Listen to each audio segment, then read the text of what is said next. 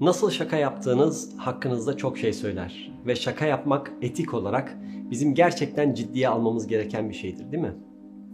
Çünkü bazen şakalar birisini gerçekten aşağılayabilir. Bazen de onurlandırabilir. Bazen de hakkımızda çok hoş olmayan şeyleri gösterebildiği için aramızdaki irtibatı zedeler. Ve bazen şakalar ortama neşe katmak için kullanılabilir. Yani aslında bütün bunlar şakayı nasıl yaptığın, kiminle yaptığın ve şakanın niyetine bağlıdır.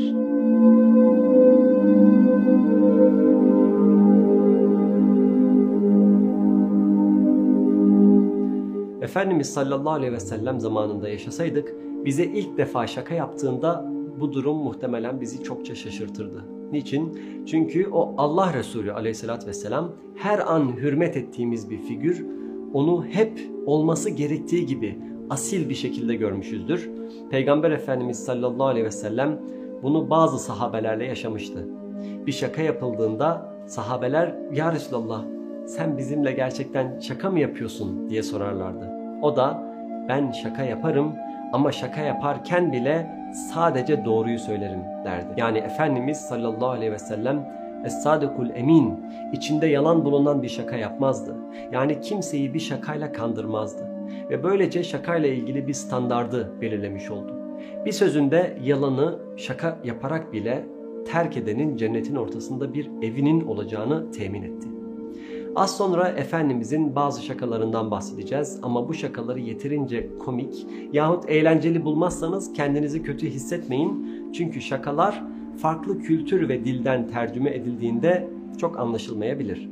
Mesela anne babalarınızın şakaları size muhtemelen çok komik gelmez ve çok büyük ihtimalle sizin yaptığınız şakalar da onlara komik gelmez. 1400 yıl önceki şakalar hakkında konuşurken bunu göz önünde tutmak lazım. Dolayısıyla şakalarda o zamanki insanların anlayacağı, hayatlarıyla ilişkilendirecekleri çok şey vardı ama bizim olmayabilir. Bütün bunların yanında Efendimiz sallallahu aleyhi ve sellemin şaka yapma şekli çok güzeldi. Ve bu her şeyden önce ailesiyle başlıyor. Hazreti Ayşe radıyallahu anha bize Efendimizin aleyhissalatü vesselam ciddi bir konu olmadığı takdirde her zaman bir yolunu bulup o konuyla ilgili bir şaka yaptığını anlatıyor. Yani Peygamber Efendimiz aleyhissalatü vesselam öncelikle kendi evinde bir şakacıydı. Yani evinde sevimli davranırdı. Ailesiyle sürekli şakalaşırdı. Eve neşe getirirdi ve bu evdeki genel davranış haliyle uyuşuyordu. Yaptığı şakalar zekiceydi, dürüsttü ve şaka yaparken her zaman bir gayesi olurdu. İlk olarak Allah Resulü şakaları sizinle bağ kurmak veya sizinle ilgilenmek için kullanırdı. Yani ashabıyla, ailesiyle, toplumdaki gençlerle, çocuklarla veya başka türlü bağlanamayacağı insanlarla bu vesileyle bağ kurardı. Şakalarla aradaki resmiyeti bir miktar aralayarak daha samimi bir ilişkiye vesile olurdu. İkinci olarak Efendimiz şakaları gergin durumlarda tansiyonu düşürmek için kullanırdı. Bu durum onun fetanetinin yani peygamberliğe yakışır zekasının bir parçasıydı. Bir seferinde Hazreti Fatıma radıyallahu anha ve Hazreti Ali radıyallahu an her normal evli çift gibi tartışma yaşadıkları bir anda Efendimiz Aleyhisselatü Vesselam onların evine gitti ve damadı Hazreti Ali radıyallahu anh'ın nerede olduğunu sordu. Hazreti Fatıma onun üzgün ve kızgın olduğunu ve mescide gittiğini söyledi. Efendimiz mescide gider ve Hazreti Ali'nin toprağın üzerinde uyuduğunu görür. Efendimiz onun üzerindeki toprağı silkeler ve uyan ya Eba Turab toprağın babası der. Bunu söyleyerek onunla konuşmaya başlamadan önce ortamdaki gerginliği kırmayı hedefler. Bu ancak şakalaşmanın yapabileceği bir şey. Efendimiz aynı zamanda şakaları bir konsepti iletmek için de kullanırdı.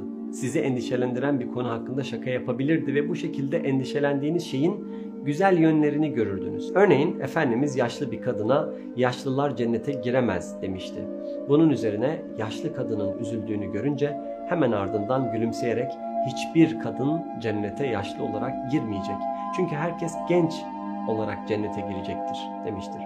Bu şekilde Efendimiz yaşlı kadının moralini düzeltti ve onun kaygısını ortadan kaldırdı. Bu vesileyle o kadının endişe duyduğu bir konu hakkında hiç kimsenin aklından çıkmayacak bir ders verdi ve o endişeden daha büyük bir güzelliği ortaya serdi. Son olarak da Efendimiz şakaları insanlarla ilgilenmek için kullanırdı.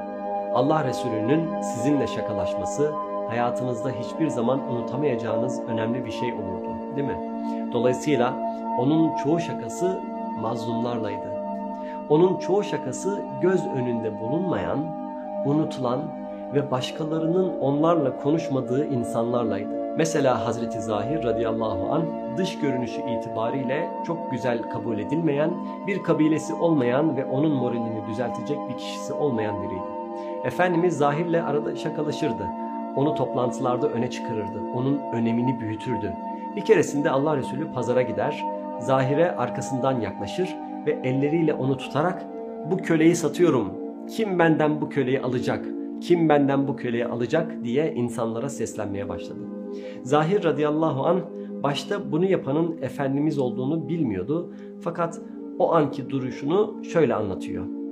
Arkamdaki kişinin Allah Resulü olduğunu anlayınca direnmeyi bıraktım ki onun yakınlığının bereketini alabileyim. Kendimi beni taşıyan, tutan ve benimle gülen Resulullah'a teslim ettim. O sırada Zahir'in morali o kadar düşüktü ki Ya Resulallah köle olsam bile beni kim alır ki? Kim beni ister ki? dedi. Resulullah da onu çevirip ona bakar ve Allah katında sen paha biçilmezsin. Yani sen kendini kim zannediyorsun? Harika bir insansın ve Allah katında çok değerli bir kulsun. Onun kölesisin. Onun şakaları çoğu zaman mazlumlarlaydı ve onlara dikkat ettiğini ve başkaları onlarla konuşmuyorken bile onlarla özel bir bağ kurduğunu gösteriyordu. Efendimizin bu duruşunu gerçekten takdir etmeliyiz. Genel olarak bazı kurallardan bahsetmek gerekirse Allah Resulü sallallahu aleyhi ve sellem başkalarını aşağılayan, korkutan, başkalarının eşyalarını alan şakalara izin vermezdi. Efendimiz aleyhissalatü vesselam insanları onurlandıran şakalar yapardı, aşağılayan değil. Ve bu şekilde o insanları kırmak yerine onlarla harika bağlar kuruyordu. O sallallahu aleyhi ve sellem insanların öncelikle ona bağlandığı, sonra da birbirlerine bağlandığı bir toplum kuruyordu.